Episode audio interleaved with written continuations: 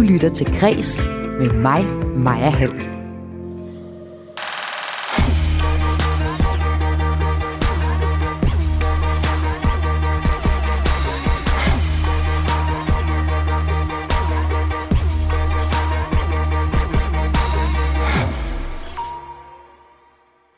En telefonsvarer har i 15 år taget imod hemmeligheder fra folk om alt fra utroskab til mor.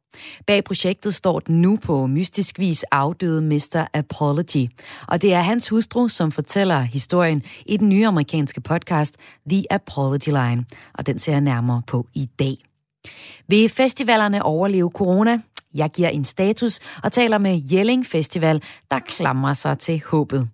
Du kan også høre om hashtagget Skamløs, og om hvorfor du kan takke Jørgen og Tove for, at du snart kan flytte permanent i autocamper. Jeg hedder Maja Hall. Velkommen til Græs.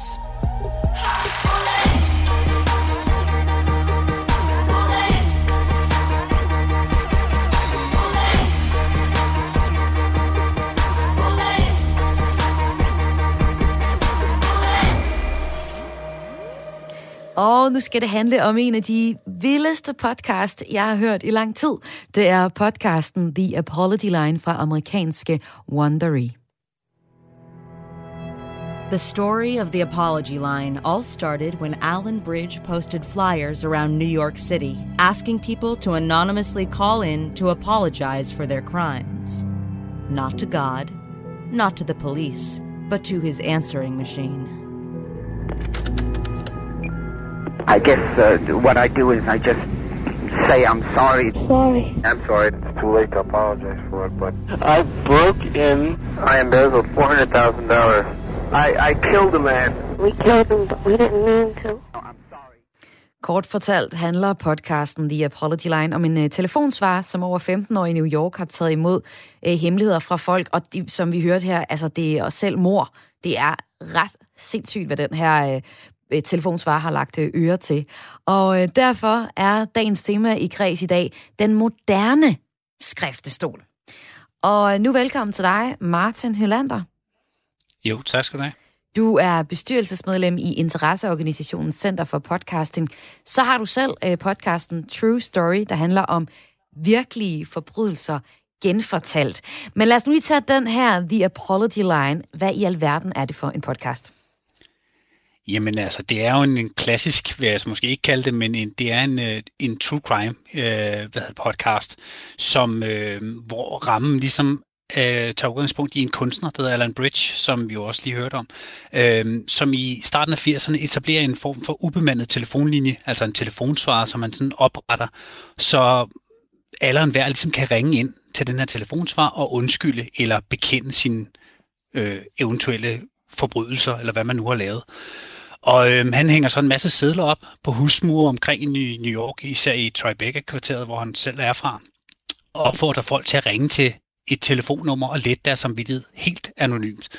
Han øh, bliver meget hurtigt døbt Mr. Apology, som man så også præsenterer sig på, for på den her telefonsvar, og så begynder, øh, hvad kan man sige, alle beskederne ligesom at tække ind.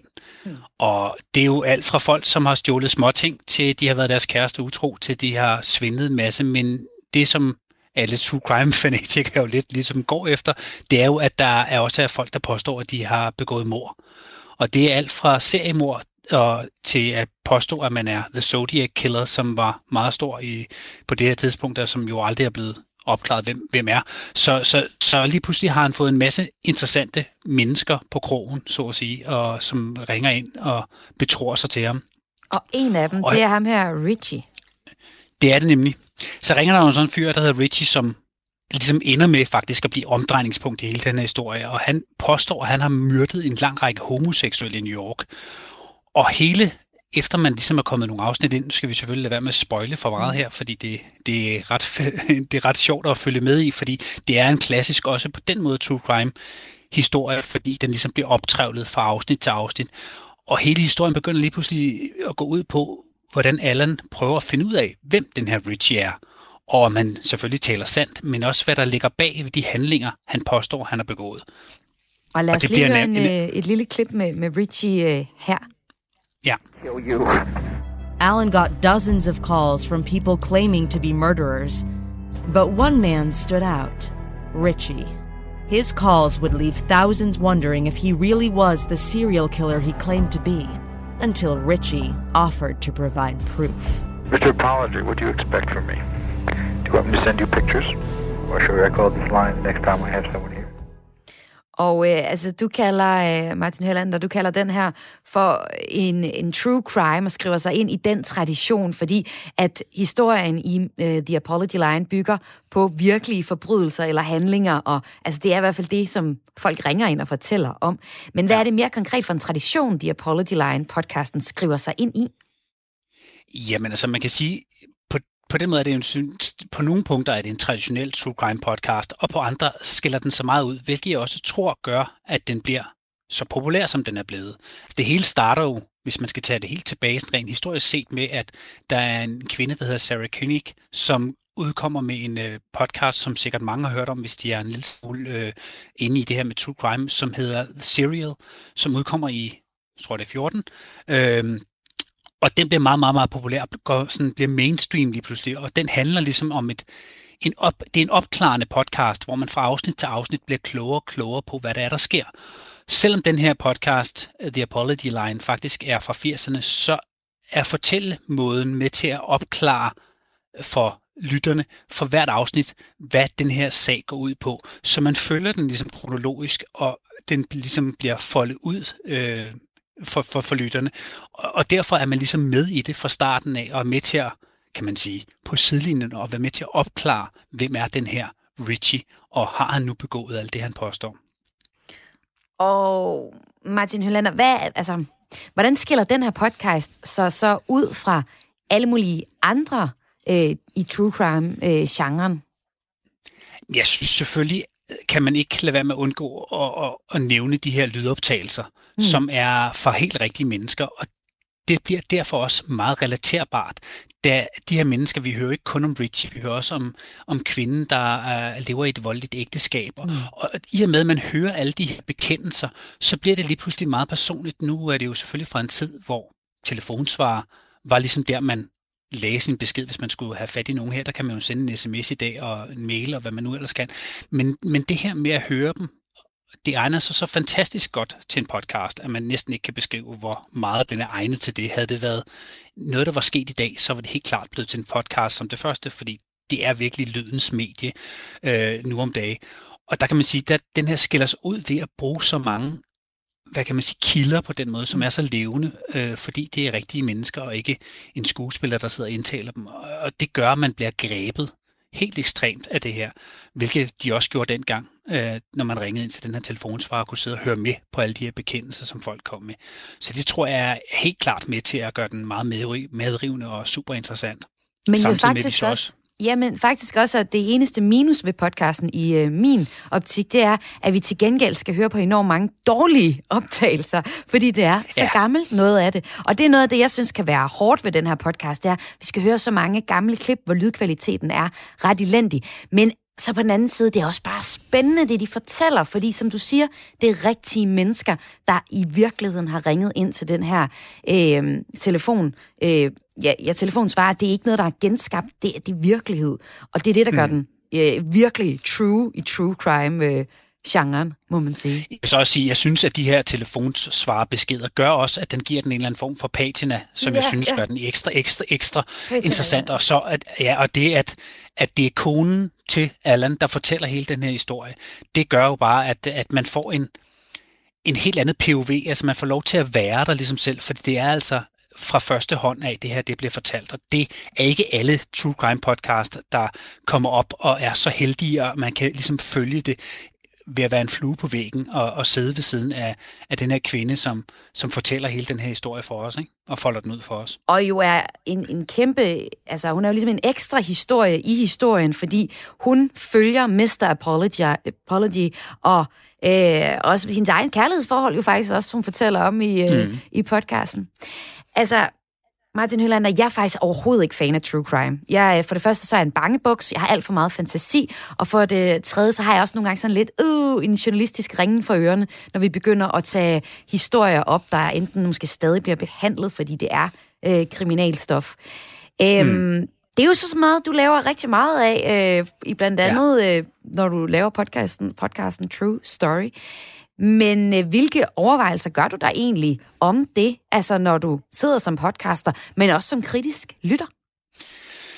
Jamen altså, jeg vil sige, nu har jeg jo med danske sager at gøre. Det vil sige, at min historie bliver selvfølgelig fortalt på dansk, og det gør også, at der vil sidde nogen unægteligt derude og lytte til min historie, som enten har en eller anden form for tilhørsforhold til det, eller måske har en relation til nogle af dem, som er medvirkende i podcasten, om det så er offer eller det er gerningsmand. Det vil næsten være uundgåeligt. Øhm, og derfor er jeg meget, meget, meget hvad hedder det, opmærksom på, hvor gamle sagerne er øhm, hvad der er foregået i sagerne, hvad, hvad, hvem der har været en del af det. Og i mange tilfælde, så kontakter jeg faktisk også de pårørende og forhører mig, om det er okay at bringe den historie. Og indtil videre har jeg faktisk haft den, øh, den regel for mig selv, som hedder, at, at hvis det her handler om, øh, om, om mor eller drab, eller nogen, der er døde af det, eller på den måde ellers blevet forudlimpet, det kan være seksuelt eller noget andet, så skal der være en vis karenstid på, og indtil videre har min været på 20 år. Den er blevet sat lidt ned til 15, øh, måske 16, tror jeg, det, det, det, det tætteste, jeg er kommet på.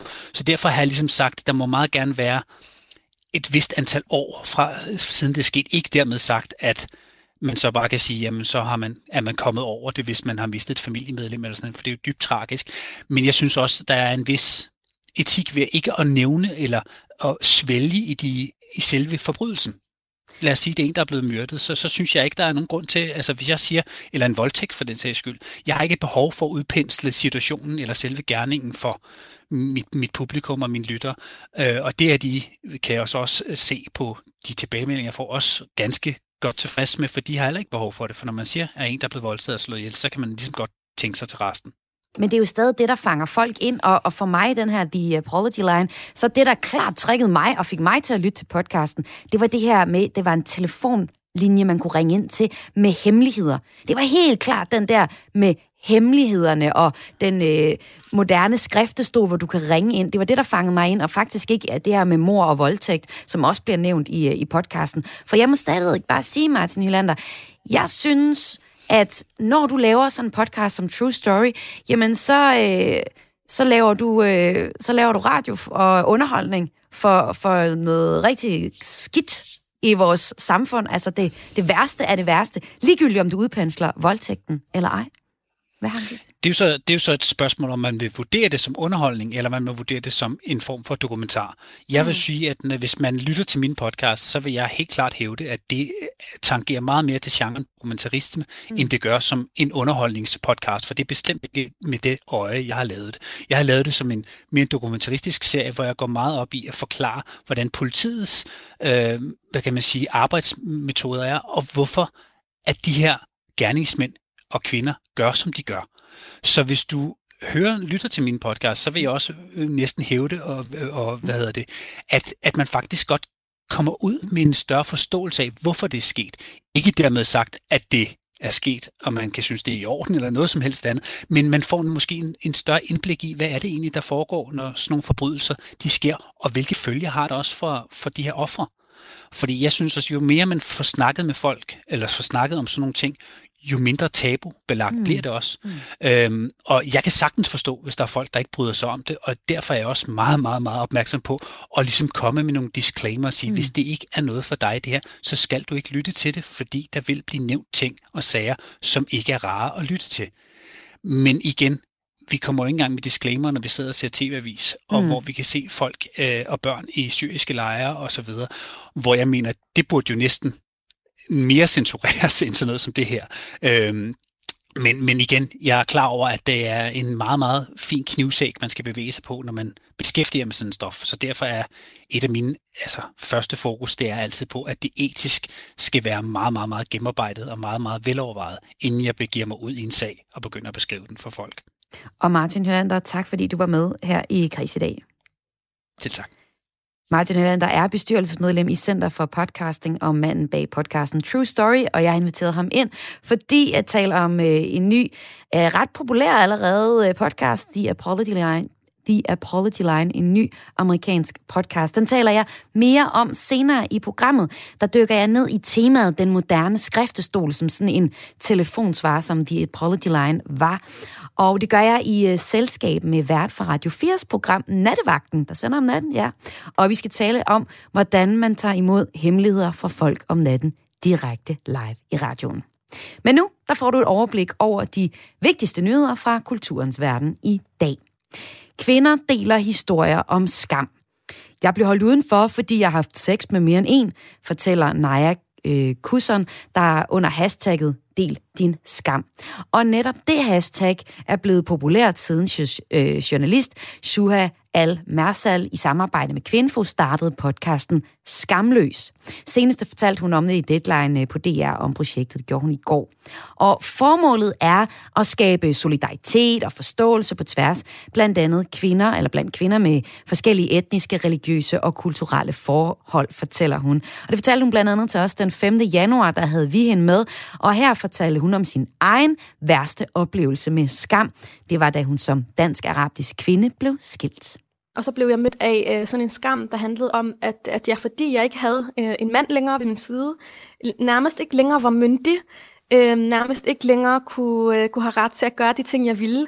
Og øh, de ting, jeg ville, det var jo sådan noget med at rejse og gå ud med mine, mine venner og hygge mig. Og altså, øh, øh, trods alt, så var jeg ikke sådan en vild type, men alligevel blev det opfattet som meget skamfuldt. Øh, og det gjorde selvfølgelig, at det påvirkede mig meget negativt i så høj en grad, at, at altså, det sagtens skulle gå, gået hen og, og nedbrudt mig, altså øh, psykisk.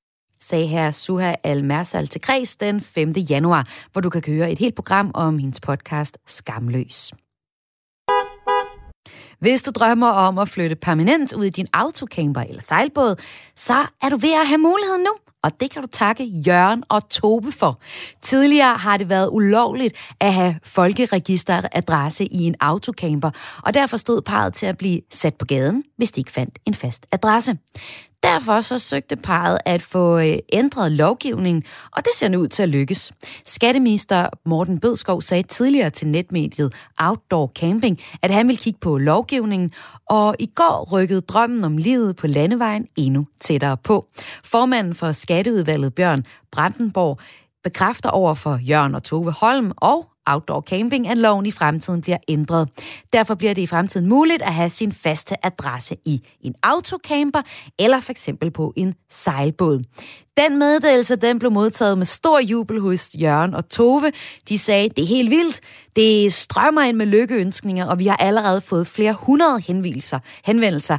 Det her viser, at det godt kan betale sig at gå mod systemet. Vi er simpelthen så lykkelige, siger Jørgen Holm til netmediet Outdoor Camping. Og senere i aften i vores aftenprogram, der kan du høre et interview med Jørgen Holm.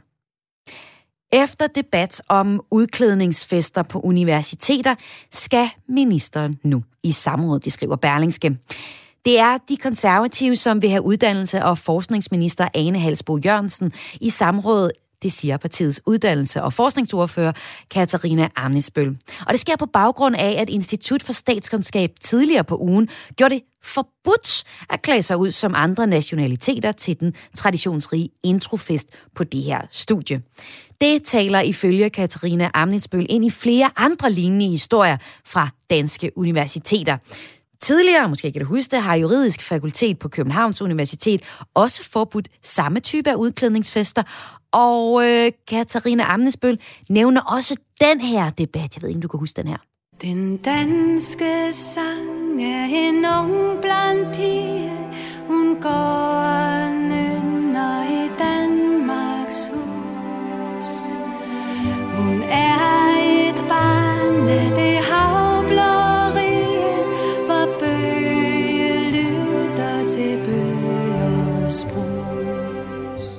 underviser på CBS fik en undskyldning, fordi den danske sang er en ung blond pige blev sunget som fællessang, og den pågældende underviser mente, at sangen krænkede hende. Men øh, Katarina Amensbøl siger til Berlingske, det er mindretalstyrani, som bestemmer, hvem der nu skal føle sig krænket. Og så bliver vi også øh, oversensitive i vores kultur, at man til sidst nærmest ikke må udtrykke sig. Hun kalder episoderne for en glidebane, og samrådet skal ifølge hende få ministeren til at påtale over for universiteterne, at der er grænser for, hvad man behøves at forbyde og sanktionere. Vi blev en del af en kæmpe fortælling i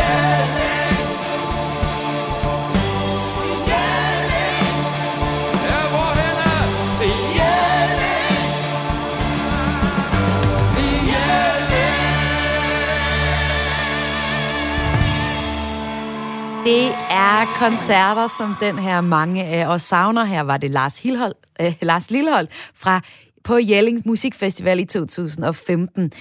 Men øh, bliver der festivaler at gå til i år?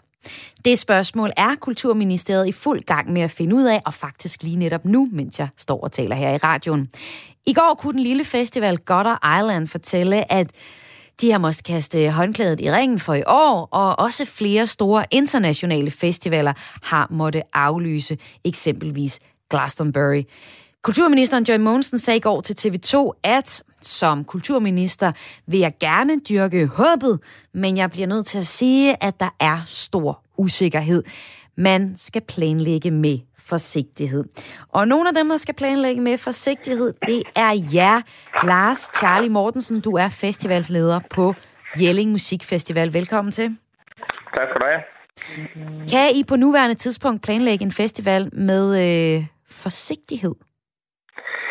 Øh, ja, det er vi jo nødt til, fordi at det er jo sådan, at øh, vi fik jo ikke lov at lave festival sidste år, og vi har jo helt sikkert håbet på, at vi kunne få lov at lave en festival i 2021 på fuld power. Øh, det begynder selvfølgelig at blive lidt, lidt problematisk nu, fordi at der er ikke nogen afklaring på området.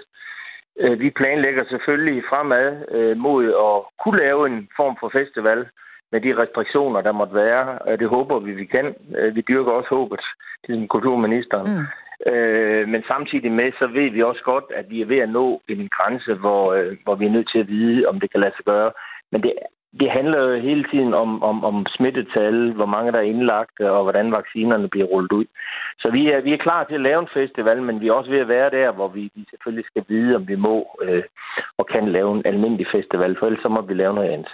Og I holder ud og holder håbet grønt lidt, som øh, flere andre festivaler gør. Ja. Vi er, kan i dag se på Sound Venue, at øh, Roskilde Festival også stadig tror på det.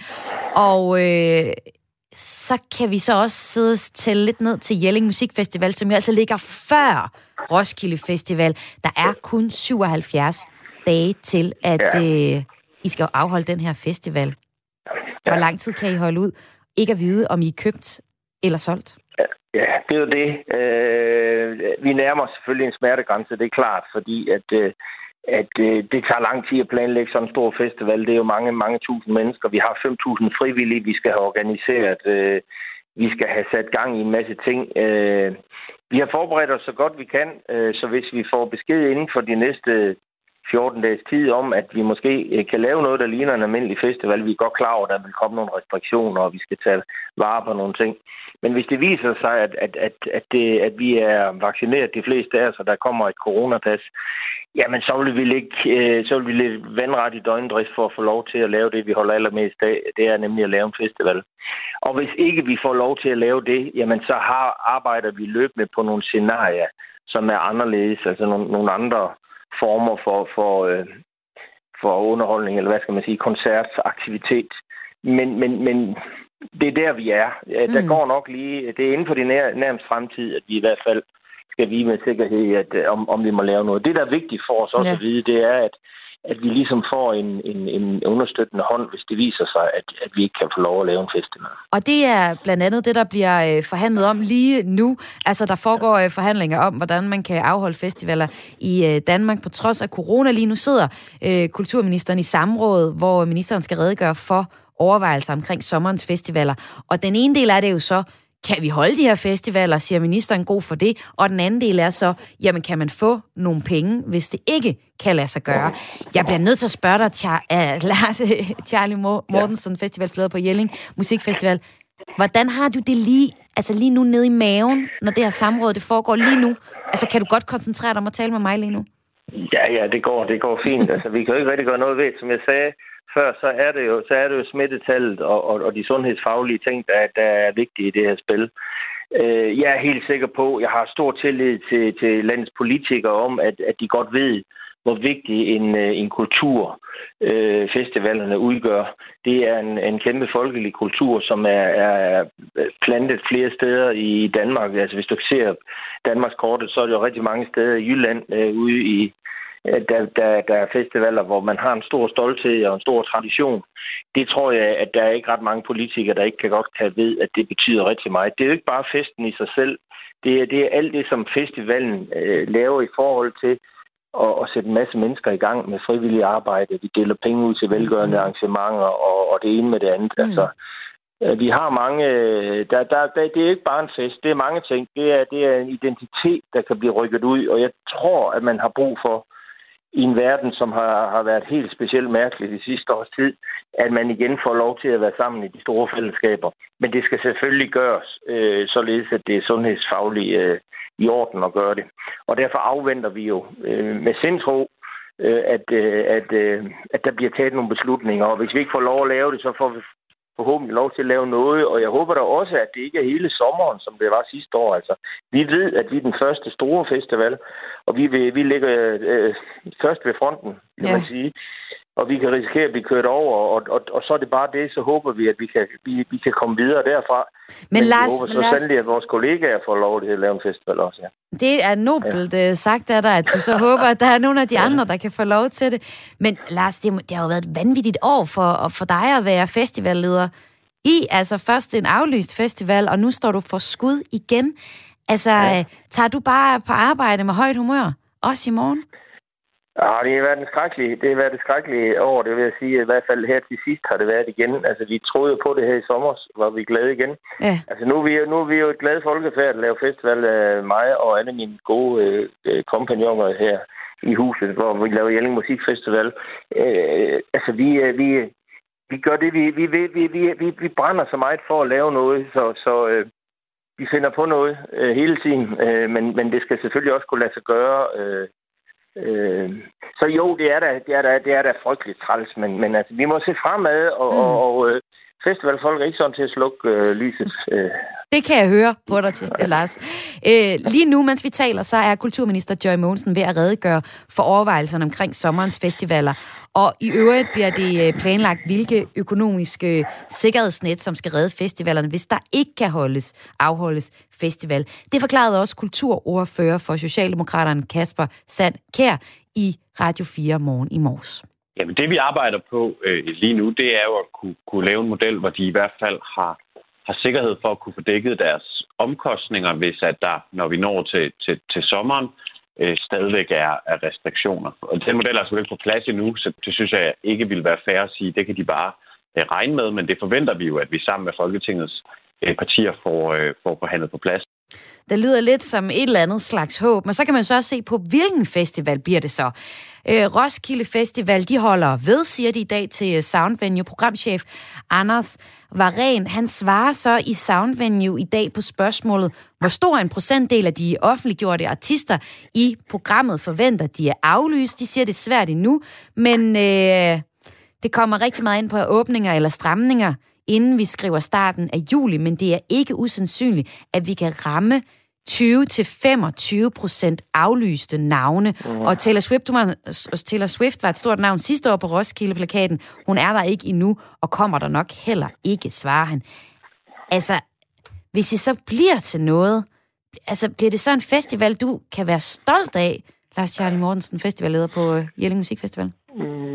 Jeg ville have været stolt over, at vi uh, lavede den første festival efter en coronaperiode. Jeg tror faktisk, at det vil blive et stykke. Uh, jeg tror...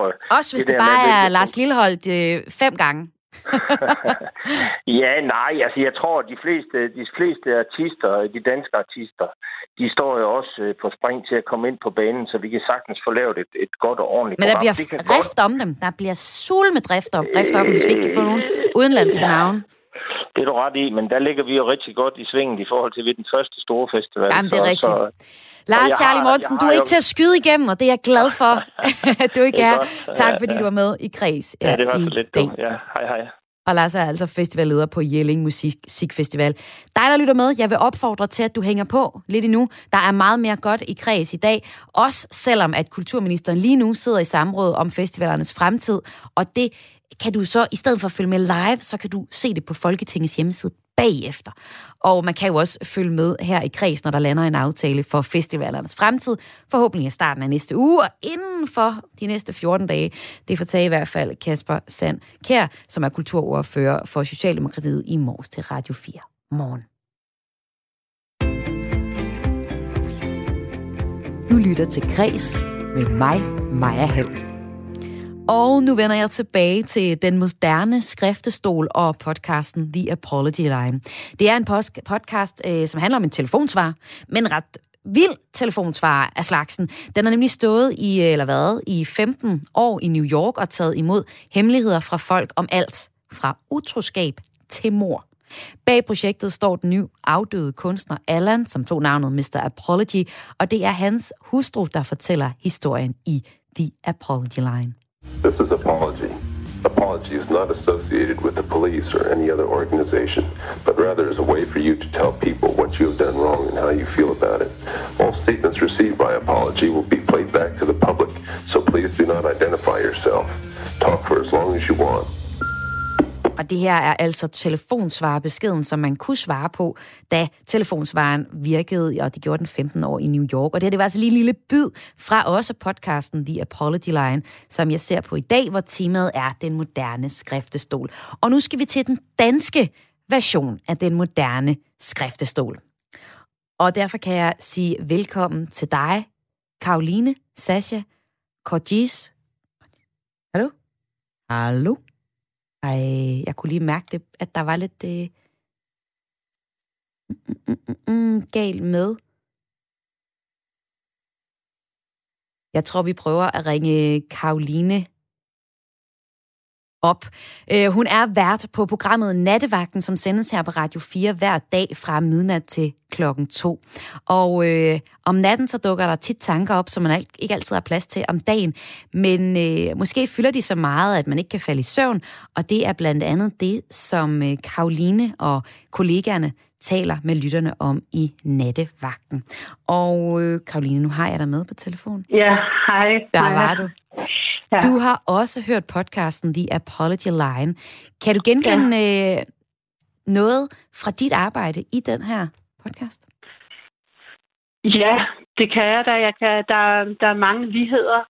Man kan sige, øhm, som udgangspunkt, så øh, da nattevagten startede for otte år siden, så var en af, jeg tror jeg, sådan, udover at jeg tror, grundkonceptet var at lette trykket fra 112, fordi der er mange ensomme og forvirrede mennesker, der ringer ind, så var det også at få nogle andre stemmer i natten, altså ikke dem, som ringer ind, men dem, som øh, dem, der ringer ind, bliver mødt af. Og øhm, i udgangspunkt var vi jo også... Øh, altså, jeg har en mere filmskaber, og vi var poeter og sanger og film og skuespillere, der var øh, værter på programmet, altså kreative folk, ligesom det her var et kunstnerisk projekt, og det gør jo også, at der bliver stillet nogle andre spørgsmål, og der er en anden dialog, end hvis der er en øh, øh, socialrådgiver eller en øh, ja, journalist eller en psykolog, der sidder og taler med mennesker, der ringer ind.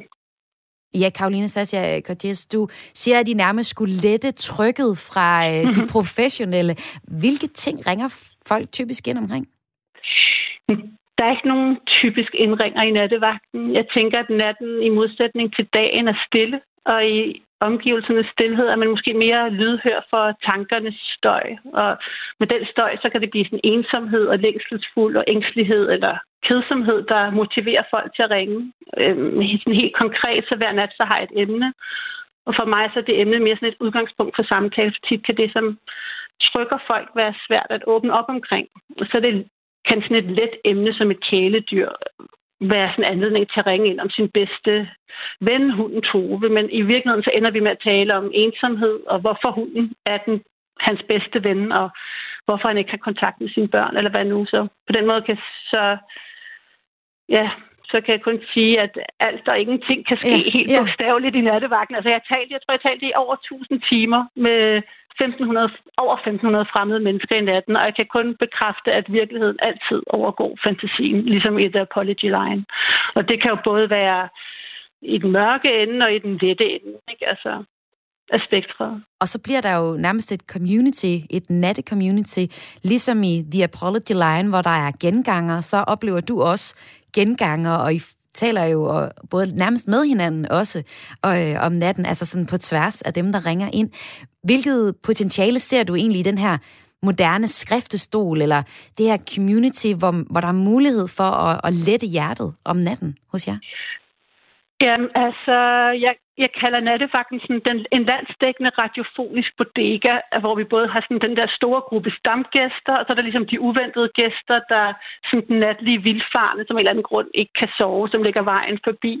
Men der er et, altså, altså, der er sådan et, det er jo sådan et improviseret råt radioformat, hvor at, øh, telefonerne står åbne i to timer, og så er vi det eneste sted på landsdækkende radio på FM-båndet, hvor der Mm. sidder et levende menneske, man kan kontakte. Ikke? Og der, når det er bedst, så skaber det sådan en slags hudløs ærlighed, som, som der er brug for. Jeg oplever faktisk, at der er et stort behov for nærvær og et stort behov for øhm, intimitet og at blive lyttet til.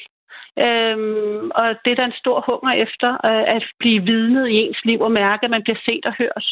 Og jeg er ret overrasket over, hvor tit jeg hører nogen sige, det er der aldrig nogen, der har spurgt mig om før, eller det har jeg ikke lige tænkt over før nu. Som om, at livet det er jo voldsomt, og hvis ens hverdag er hurtig og derfor overfladisk, så er der ikke rum og tid til at fordøje det og stoppe op, men så tilbyder natten måske netop den tænkepause, og så er der mulighed for at dele, hvad der nu kommer op med nogen, og det oplever jeg faktisk, at der er stort behov for. Ja. Og Karoline, lad os prøve at, at høre et eksempel på en, en samtale, der har rørt dig. Det er en kvinde, der ringer ind til dig en nat. Hendes mand er gennem 56 år døde i foråret, og hun har siden da været ulykkelig og så også isoleret med sin sorg, men også på grund af, af covid. Øh, en nat ringer hun så ind til dig, og det lykkes hende for første gang at tale om hendes mand, uden at græde, men rent faktisk tale om ham og mindes ham positivt. Og så vil jeg også fortælle dig, at vi havde øhm, de sidste gange på hospitalet, øh, inden Kjeld begyndte at falde helt væk, Mm. fordi så øh, der sang vi sammen den der, du er min øjesten, fra øh, en af de her Morten Koch-film. Åh, hvor fint. Så lå I sang den sammen? Den sad vi og sang. Øh, Kjeld lå i sengen, og jeg sad ved siden af, og den sang vi. Så ved bisættelsen, da præsten havde talt, så blev den spillet øh, helt. Han var min store kærlighed. Jeg bliver også helt rørt af, at I sidder og synger den sang der. Du er Ja, det gjorde vi. øjesten. Er det ikke sådan? Ja. Der, der ikke er plads til hende. Det der, du er min øjesten. En bitte dejlighed er du.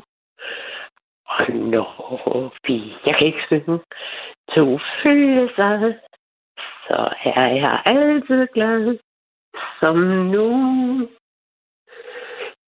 Og så kommer der altså mere og mere, og er du rigtig klog, jeg har sunget radio. Det er godt nok pinligt. Nej, det er da vidunderligt. der var andre. Nej, jeg, ved du hvad?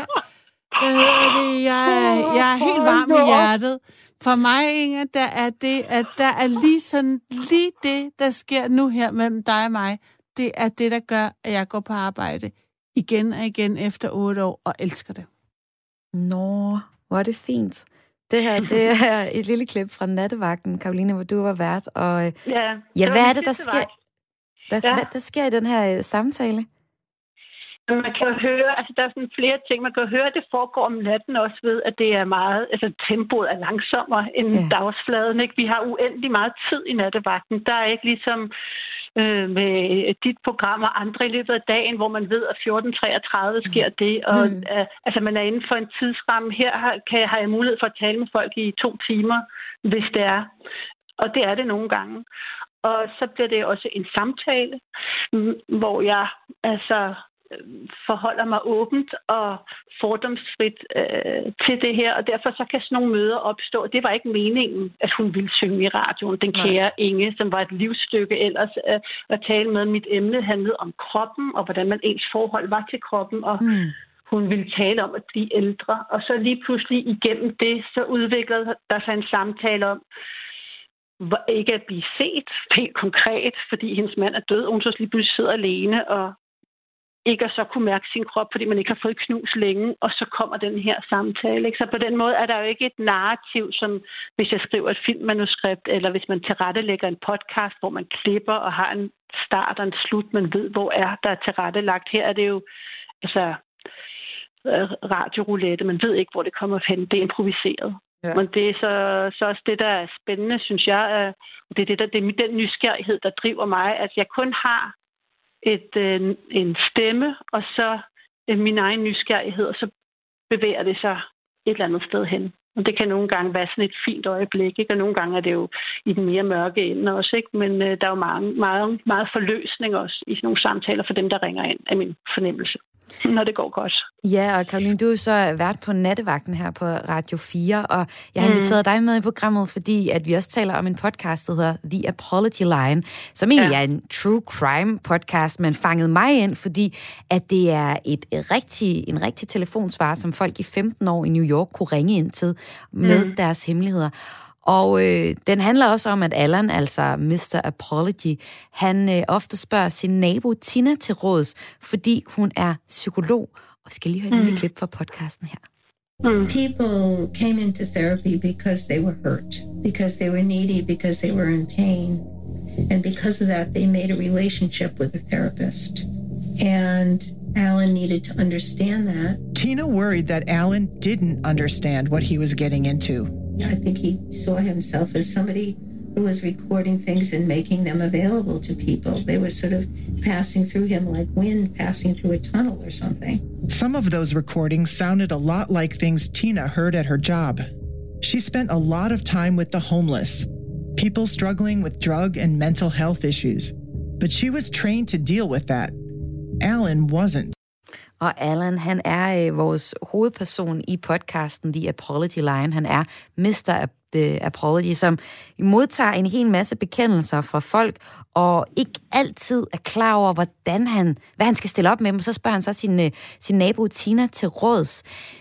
Karoline, du sagde tidligere, at øh, du, du letter nærmest lidt det offentlige øh, ved, at, at man kan ringe ind på nattevagten til jer. Men hvad tænker du om det her aspekt med, at en terapeut har en uddannelse til at håndtere nogle af de barske ting, men at andre skal overveje, hvordan de involverer sig? Altså, hvordan går du til folks hemmeligheder eller problemer, mm-hmm. uden at ende med at blive en, en professionel stemme til dem? Jamen, der er flere ting. Jeg tænker, at det, der også har været vildt for Allan, hvis vi lige går til, holder mm, i, mm. i uh, The Apology Line, det var, at han er jo også en mærkelig passiv karakter, for han får jo bare alle de her bekendelser lagt på sig. Det her er jo så som vært i programmet, der har jeg jo en dialog, hvor jeg er med til at skabe øh, samtalerne. Og det er det er et anden position, han står i, af afmagt og frustration, og, tænker jeg. Det er det, det, det, er det ene. Øhm, og i, i den samtale, så for det første, så altså, jeg synes, det er en styrke, at øh, jeg kommer et andet sted fra, i modsætning til, altså man kan jo altid gå til en psykolog eller have en samtale med nogen. Øhm, så, så det tænker jeg er en styrke for samtalen.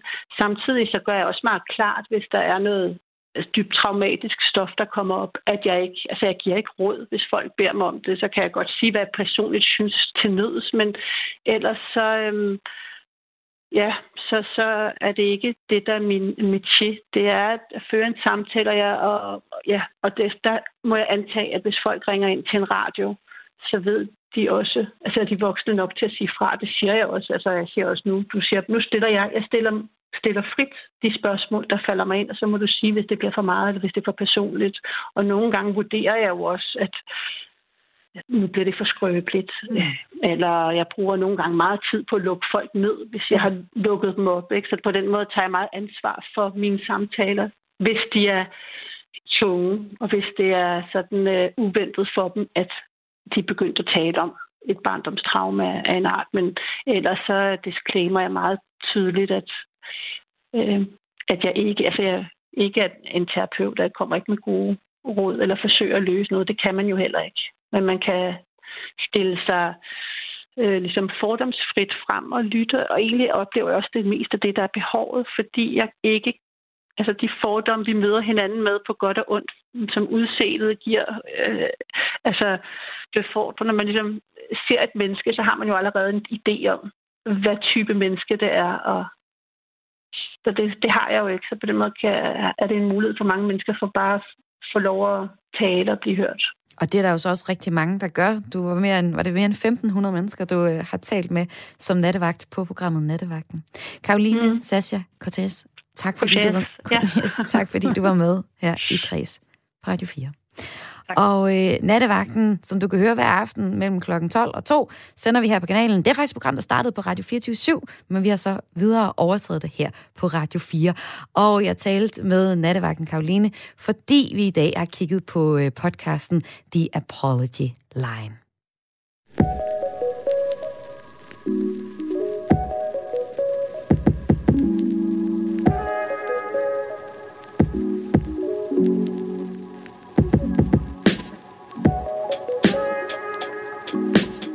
Der bliver læst ekstra meget her under coronanedlukningen. Det viser blandt andet tal fra rapporten Bogen og litteraturens vilkår 2020. Derfor har vi her på Græs lavet en bogbrevkasse, hvor du kan få skræddersyet en anbefaling til en bog, du kan læse. Og øh, vores øh, litteraturekspert på redaktionen, Karoline Hansen, du er kommet i studiet. Velkommen til. Tak. Og øh, glædelig World Book Day, som det jo faktisk er i dag. Ja, yeah, tak skal du have. så endnu en god grund til at fejre bøgerne, og det er sådan, at hver onsdag, der kommer du her ind i programmet med en skræddersyet læsanbefaling til en af jer, der har skrevet ind, og det har I gjort enten på sms'en 1424, der skriver I er mellemrum jeres besked, eller så har I sendt en mail til os. Det er til kreds radio4.dk, og det er k r a i s radio4.dk. Og det kan man også stadig gøre, hvis man godt kunne tænke sig en bog anbefaling. Det har Marie gjort til den her uge. Hvad har hun skrevet til os, Karoline? Hun skriver, Hej brevkasse, tiden flyver, og livet går sin gang. Mine korvenner, Nana, er lige blevet mor, og Line har købt en gård i Ikast. Ofte så savner jeg de mandage aftener, hvor vi skrålede til diverse korsanger, og tiden gik i stå. En stund, som vil forblive fortid. Har du måske en bog, der kan hjælpe mig med at enten mindes disse stunder, eller skubbe mig videre i livets tilværelse? Hilsen Marie. Okay, skal Marie mindes, eller skal hun videre? Hun skal øhm, prøve at øh, stadig være i det. Så mm. jeg tænker, at hun både skal mindes og videre på samme tid. Og hvad skal hun læse? Hun skal læse Tour de Chambre af Tine Hø. En bog, der kom sidste år? Ja, ja i ja. 19, og øh, Tine hun øh, udgav sin debut i 17, mm. 2017, øh, Nye Rejsen, og det er så hendes anden roman som har været for forsiden, skulle jeg til at sige, alle boghandlere. Totalt i vinduerne ja. her under coronanedlukningen, hvor man ikke kan gå ind og købe dem. De har Så bare de stået bare der. Stået der ja. Hvorfor øh, skal hun læse den her bog? Det skal hun, fordi at øhm, Agnes, nej, Asta hedder hun, Asta som er hovedpersonen, hun står lidt i samme situation, eller hun er i hvert fald i den situation, at hun har en veninde, som hun har tilbragt rigtig meget tid med. Øhm, hun boede på kollegie med hende, og nu er øh, Asta 33, og hun er forfatter, og øh, mig, hendes veninde, hun er, er pædagog. Og de er bare to steder, forskellige steder i livet, fordi at Maj, hun har fået et barn, og de laver to meget forskellige ting. Også øh, Asta, hun øh, arbejder som forfatter, og Maj, hun er jobsøgende. Så derfor så er de to forskellige steder i livet, men de forsøger, forsøger stadig at, at holde venskabet i gang, og de går også skævt af hinanden flere gange i løbet af romanen. Men jeg tænker, den er, giver et godt bud på, hvordan man egentlig kan gå til det her, når man udvikler sig øh, asymmetrisk som øh, veninder og prøver at fastholde og insistere på venskabet alligevel. Og så du siger det her med, at de går skævt af hinanden. Man kan simpelthen se nogle af de sms'er, de skriver til hinanden, hvor man kan se, at de går, øh, går skævt af dem. Skal vi lige prøve at få en lille bid af bogen, så vi kan se, om der er andre af os, der også skulle læse den? Ja, jeg øh, har valgt to passager, som viser, hvordan de øh, er meget forskellige, og så en mm. sidste, der ligesom illustrerer, at de på trods af alle de her udfordringer formår at have et øh, fællesskab. Og den første lyder sådan her. Maj tager med mig på café for at skrive ansøgninger. Hun trykker hårdt på tasterne. Hun har været på dagpenge siden barslen. Jeg sidder midt i en scene ved en cementblander. Hold kæft, hvor det kører i dag. Hun tager en kop kaffe. Hvordan går det over hos dig? Dig. Af for satan. Hun sætter koppen fra sig igen. Jeg synes ikke, du skriver så meget. Jeg ser på hende. Sorry, hun løfter øjenbrynene og tør nogle dråber af bordet med sin serviet. Først troede jeg, det var blod. En flok veninder spiser tapas bag os. De taler meget højt. Men så var der slimproppen, der gik. Kan du nå tabanaden? Aioli og kiks, arp og oliven. Jeg kan ikke koncentrere mig. Og det her, det er altså bare en scene, hvordan de ligesom bare går skævt af hinanden på den her café. De prøver at mødes, men, men man er bare to. Den ene skriver jobansøgning, den anden skriver... En roman. En roman, Ja, og de kan slet ikke, øh, de er slet ikke i samme sådan Og så er der nabobror, der lige snakker om øh, fødsler. Lige præcis. ja. Så der er en anden situation her. Øh, det er ikke, fordi jeg er sur på dig, siger mig. Jeg synes, det er dejligt, det kører med betonbogen. Det er den her bog, som forfatteren arbejder på. Jeg savner dig bare. Øhm, har I den her øh, med glimmerlåg? Vi er på fisketorvet. Vi har ikke set hinanden i fire dage. Jeg har skrevet fra morgen til aften, og jeg længes allerede efter at komme tilbage til min tekst. Den knop skyder, lever og vokser med voldsom fart. Jeg har ikke fortalt mig, at jeg skriver om noget andet endnu. Vi kunne også gå på Dalle Valle og spise kage. Vi står på rulletrappen med poserne. Jeg tror, jeg vil hjem, siger jeg, og får et sug i mellemgulvet. Jeg er heller ikke godt af det, siger mig. Men går du ikke lige med i Monkey? Øh, jeg skal nok være lynhurtig. Hun samler en stor bunke tøj. Jeg sætter mig på en puff uden for prøverummet. Hun trækker forhænget for. Jeg har uro i benene. Jeg kan ikke få placeret mig behageligt. En nerve diger under mit øje. Så det er endnu en situation, hvor de er ude og prøver at øh, lave noget sammen, selvom at de er to forskellige steder. Og så er der en sidste passage, jeg har valgt, som øhm, virkelig fint illustrerer, at øh, Asta, hovedpersonen, øhm, selvom hun kan blive irriteret på mig, og de har to forskellige behov, så, så gør hun noget for mig, fordi hun ved, at det er godt for hende. Hun øhm, har passet Majs dreng Bertram, øh, mens Maj har været til fest, og så står der her. Jeg vågner kvart over tre. Maj må være kommet hjem. Hun har båret Bertram i seng og givet mig et vat tæppe på. Kommelutten på kommoden er væk. Det vender sig i mig. Jeg elsker dig. Skriver jeg på en serviet og lister ned ad trapperne. Det er ved at blive lyst, ikke en vind, de første fugle. Og her øh, røber jeg så lidt, at der er en konvolut, og der er altså en hemmelighed. Øh, der er faktisk noget mellem Asta og mig, som gør, at øh, de også går lidt skævt af hinanden, fordi Asta arbejder på en roman om øh, en fælles oplevelse. Øh, men hvis man læser bogen, så finder man ud af, hvordan det forløser sig. Mm. Og det er altså anbefalingen til Marie af Tine Hø, Tour de Chambre. Lige præcis. Og den her bog, nu sagde jeg, de sms'er også sammen, og det er også noget, det man ser i bogen. Hvad, øh, det er sådan en, en lidt skør, anderledes ting. Hvad, hvad, hvad er det, de gør her? Jamen altså, der er øh, ret store dele af passager, som ligesom er messengerbeskeder. Altså netop, som du siger, man, man op, oplever også venskabet via deres øh, messengerbeskeder. Og dem har Tine inkorporeret i romanen, som i forvejen har en meget særegen form. Det, det ligner faktisk lidt et digt, når man åbner den. En, en, det er en, Men tag ikke fejl, det er en roman. Det er det nemlig, men det ligner et digt, og der er et klart plot, men, øhm, men, men det interessante ved den her er, at hun har valgt at kalde det en roman. Nye Rejsende havde faktisk samme form, og den kaldte hun ikke en roman. Den valgte hun ikke at give en genre, øhm, og nu har hun så valgt, at den skal hedde roman, og at hun godt kan være med til at udvide romangenren. Så når man læser den, så vil man opleve for det første, der står ikke særlig meget på siderne, og det ligner et langt digt. Men hvis man læser den ud i en køre, så, øh, så er der altså en handling og et plot, og det er det, som gør, at man godt kan sige, at det er en roman. Og du har været rigtig glad for den her bog. Det har den har jeg. du talt Det er meget om yndlingsbøger. hvad, hvad mener du, at Marie skal tage med sig fra den her bog? Jeg, jeg håber, hun vil se sig i, øh, i Asta og i Majs venskab, og når jeg har været rigtig glad for den selv, så er det fordi, det også er en problematik, jeg selv har haft inde på livet. Jeg oplevede det i hvert fald meget forløsende at øh, se, at øh, der er andre karakterer, eller i karaktererne, at der er andre, der også kan have det sådan, og at man godt kan gå skævt af hinanden, men stadig finde hinanden til slut, og at man øh, vil altså udvikle sig øh, asymmetrisk. Sådan er det jo, når man kommer op over 30, at så er man på forskellige livsstadier på forskellige tidspunkter, indtil da har man været vant til at være meget på samme bølge hele tiden, og det, det ændrer sig. Det, det hjalp i hvert fald mig rigtig meget at læse den, så jeg håber, Marie vil, vil måske blive inspireret til at insistere på nogle samtaler med de her veninder, bare troppe op foran deres dør og blive, selvom de bliver irriteret. Men også noget korsang ved Lige præcis, ja. men også gøre nogle ting, som hun måske ikke har vildt meget lyst til, altså køre til IKAST til den der gård, men fordi det er for fællesskabets bedste. Hmm. Så det er anbefalingen i øh, denne uges sprogbrevkasse, og hvis dig, der lytter med, også kunne tænke dig en øh, anbefaling, så send os en øh, mail til kreds radio4.dk. Kreds er ved at være færdig for i dag, og programmet det kom i hus med hjælp fra en hele kredsholdet. Lene Grønborg, Karoline, du har også været med, og Gustav Pors Olesen. Jeg hedder Maja Hall, og jeg er vært hver dag her på Kreds. Lige til sidst, hvordan skal du fejre World Book Day som, som litteraturnørd? Kom. Jamen, nu har jeg været herinde og talt om litteratur. Tidligere i dag så optog jeg mellem linjerne, som er mit litteraturprogram, som vi sender på søndag klokken 1.